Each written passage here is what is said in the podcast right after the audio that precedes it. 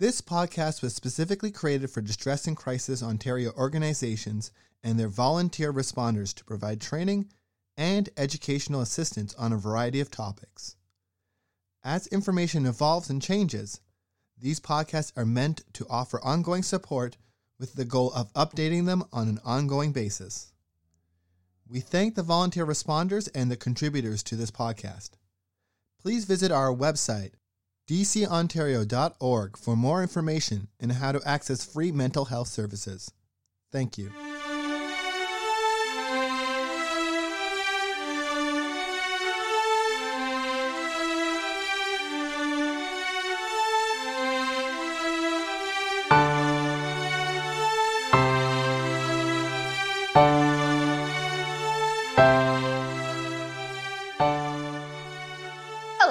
Name is Caitlin Plant, and I am the program manager at Distress and Crisis Ontario. Thank you for choosing to listen to our podcast.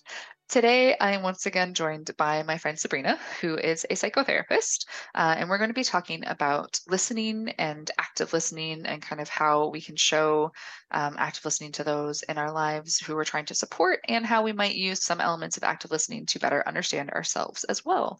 Um, so, Sabrina, thank you for joining me today. It is always an absolute pleasure to speak with you. Oh, thank you so much. It's lovely to be here.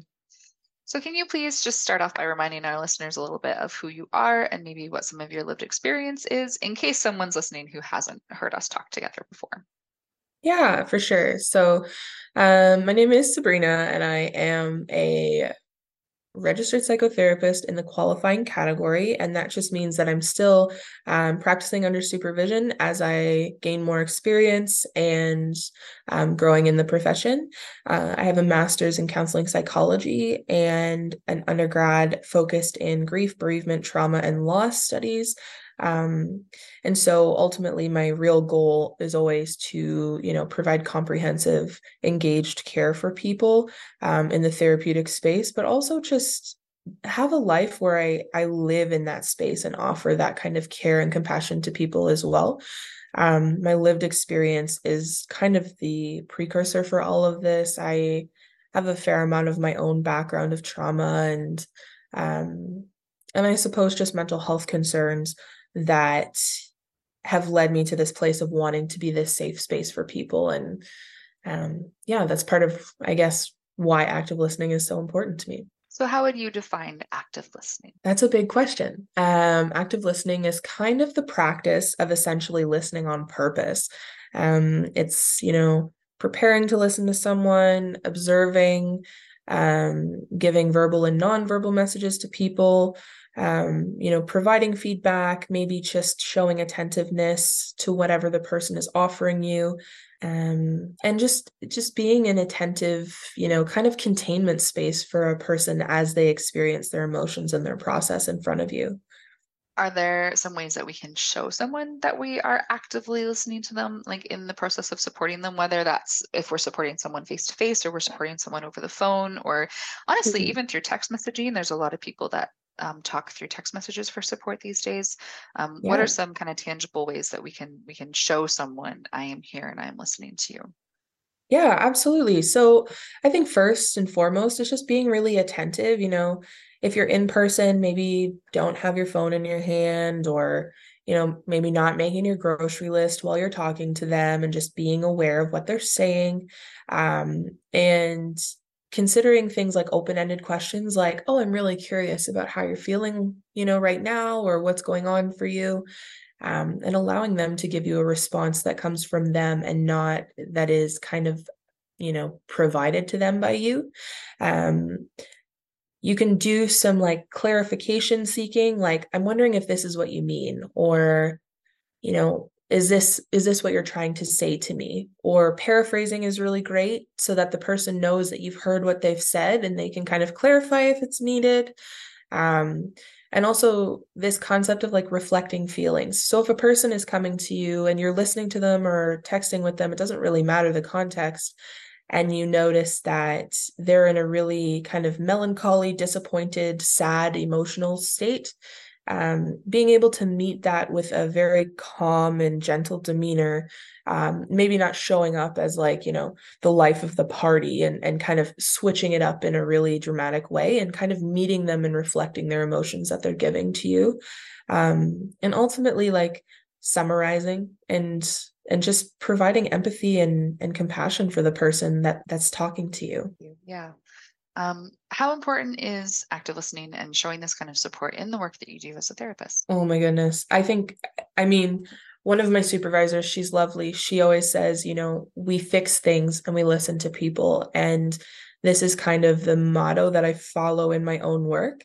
Um, I would consider myself a pretty humanistic practitioner. And what that really means is I am here to build relationships with people where they feel seen and heard and valued. And ultimately, I follow this kind of idea from Carl Rogers that says, um, you know, there's unconditional positive regard in the listening space.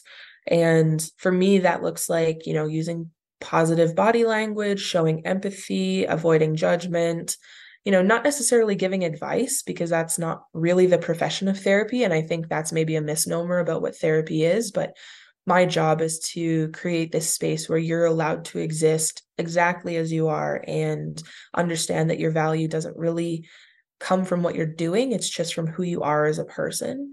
Um, i also find that i do a lot of paraphrasing or or asking you know about curiosity. I, i'm curious about tell me about what that feels like and and you know can you tell me about a time when you felt like this before? And i want to get information from people in a way where they feel like oh this person really sees me and they're trying to connect these dots. Um, in my job i think i kind of joke with my clients and i think all of my clients have probably heard my thoughts on this but um, when you watch a crime show and they put up that board and then they put up a whole bunch of pictures and then they connect them with this like red tape um, my job feels like i'm putting up these pictures and i'm connecting this red tape with you and we're figuring out what is this big picture.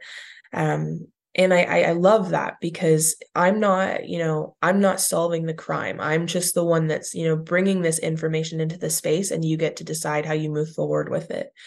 Um, and I think that's kind of what active listening allows us to do is to create a space where we can uncover what's happening and why it's happening and how and um, kind of engage the person in in understanding that they're valuable, whether or not you know they feel really great in this moment. Um, yeah, I hope that makes sense. I think that's an awesome yeah, way to kind of visualize it and visualize how all of those little bits and pieces will kind of come together and that it is through those open-ended questions and asking mm-hmm. people to really clarify where things are coming from and those are the moments where people go, "Oh, you know what?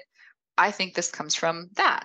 And yeah. I've never put those together before. And it's not that you are actively like digging at it, it's the fact mm-hmm. that you're allowing them that space to, in their own time and their own way, make those connections. And in that way, it can sometimes be like way more powerful than if you're actively like kind of chipping away at things.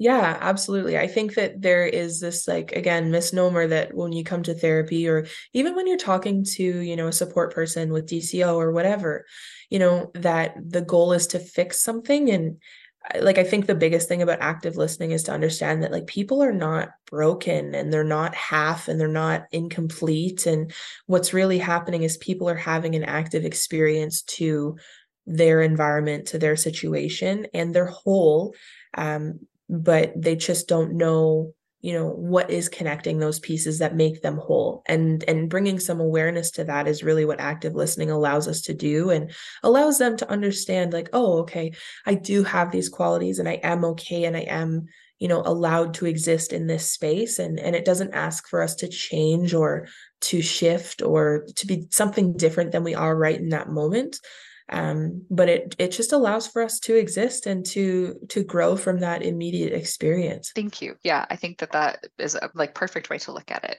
Um, so to kind of shift gears just a little bit mm-hmm. how can we ask people to actively listen to us? So maybe we are speaking to a support person and they are coming to support us in the frame of mind of we need to fix something. Mm-hmm. Is there a way that we can kind of gently say to that person, Hey, I appreciate what you're doing, but this isn't what I need from you? Like, how would you suggest we do that? That's um, pretty much what you just said. You know, that communication to say, Hey, I, you know, don't really need answers right now. I just, I need you to listen and hear me and, and allow me to exist as I am right now. And, you know, sometimes listening is, is really the goal. The goal is I don't need anything. I don't feel broken. I don't feel empty.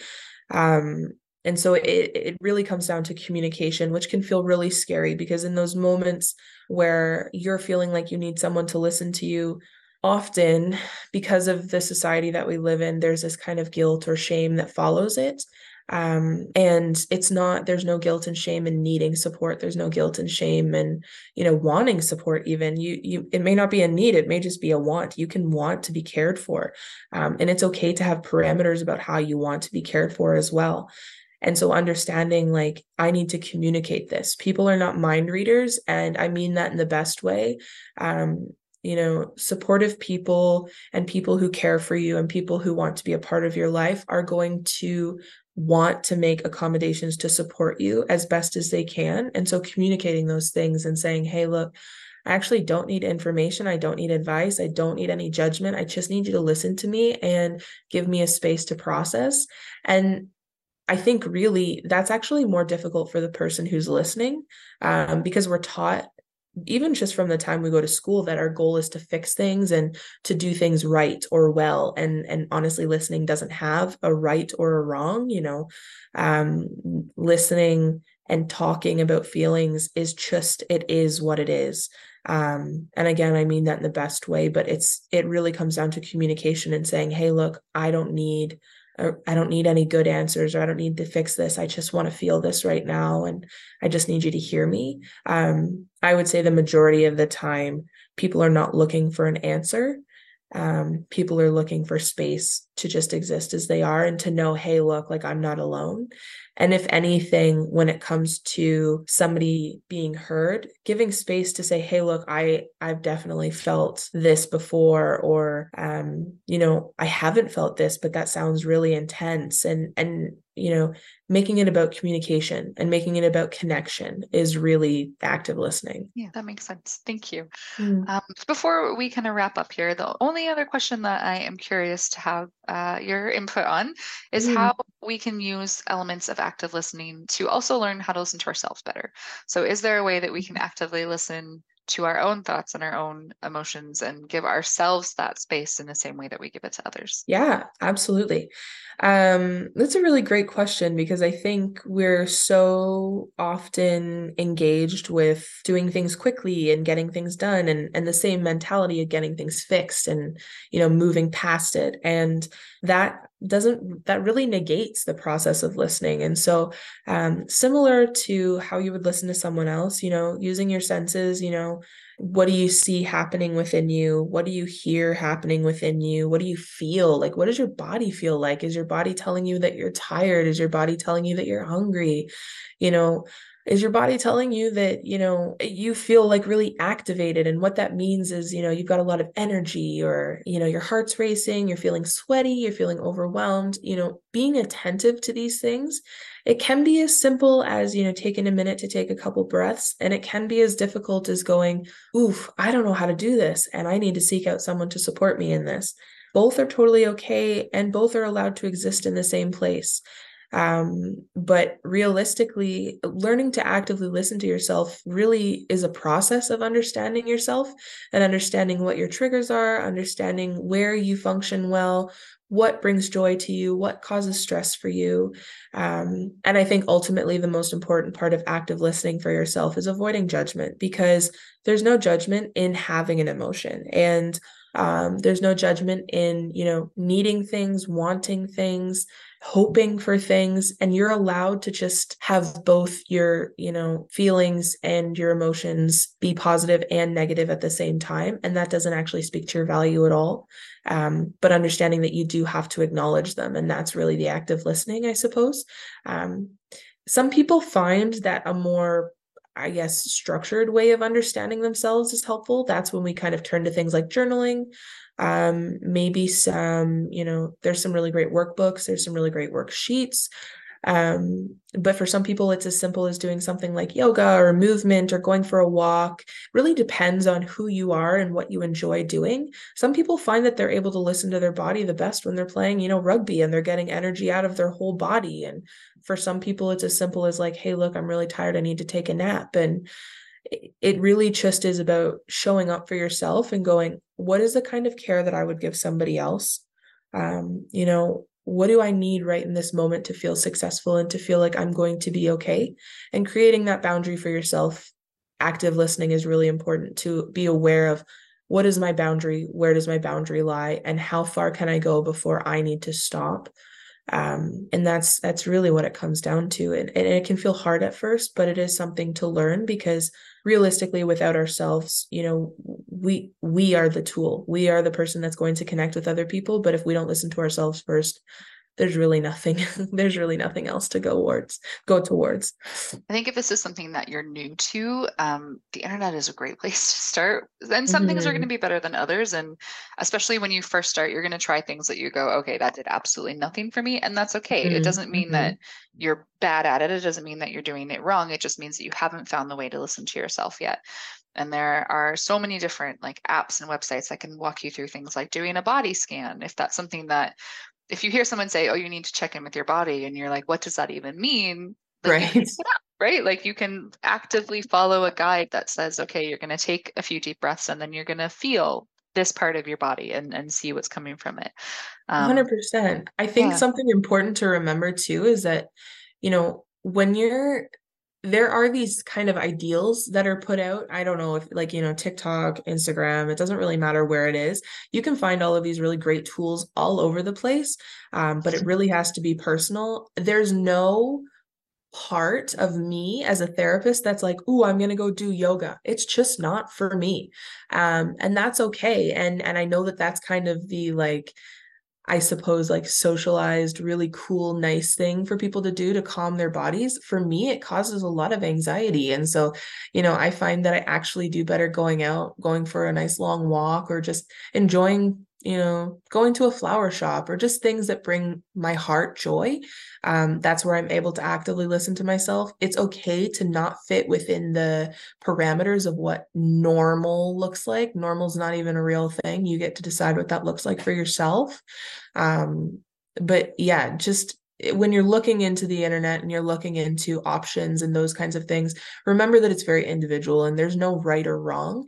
Um, as long as you're taking care of your body and you're doing things that allow you to feel healthy and strong and and well, that's active listening. I think the only other thing that I would kind of suggest to you, if this is something that you're starting out with, is looking at um, a feelings wheel. And when you're first looking at them, they can seem really, really complicated, but they're so good for, especially if you're feeling those kind of um, hard to pinpoint emotions. Like sometimes anxiety. Sometimes anxiety is really hard to pinpoint where it's coming from. And if you have a feelings wheel in front of you where you can actively be like okay if i dig a little bit deeper this anxiety is coming from fear. And mm-hmm. that fear is coming from this experience that i had at, at this time place wherever and the underlying emotion there was actually loneliness. And then that mm-hmm. can like really bring you to where the core feeling is which really helps you then unpack like the bigger picture. Um, and again there are some really good feelings wheels that you can find online um, that just really break emotions down in a way that make it a little bit easier to follow that path and and find where where the start point is because that's always where you kind of want to end up. Yeah absolutely um, so, is there anything else that you would like to add before we go today? I think just like being mindful that you know this season specifically is is one where there's a big shift, and so active listening can be really important, um, and that includes to yourself and to other people. Be mindful that as it gets a little bit colder and a little bit darker, um, you know your emotions may shift, and that's okay. Um, and just give your body what it needs you know nourish your body with healthy foods and that doesn't mean just eat vegetables that means you know what is going to make you feel strong and healthy and you know secure and you know nourish your mind with things that bring it some joy and you know feed your heart with things that bring it some love and and you know just being really mindful. And that really just means you know listen to your body listen to actively listen to your process um, because this season can be quite a shift and active listening is really going to support us in this season. Thank you so much again for joining me today and for having this conversation with me. Um, as always, if you are listening to this podcast and there is something going on in your life that you feel like you need support with, um, our member centers and ONTX are here for you. Uh, you can find your nearest member center on our website, visiting www.dcontario.org forward slash locations. Um, ONTX can be accessed online through the chat from any page of our website using the looking for support sidebar, or you can text the word support to 258 258. ONTX is available from 2 p.m. to 2 a.m. Eastern Standard Time every single day, and many of our member centers operate 24 7. Um, also, as always, if you have any feedback on our podcast, we would love to hear from you, whether it's feedback on today's episode, past episodes. If there's something that you would really like to hear us talk about, please let us know. We would genuinely love to hear from you, and you can fill out our feedback form um, through the link in our show notes. Um, thank you again, Sabrina, for joining me today, and thank you for listening.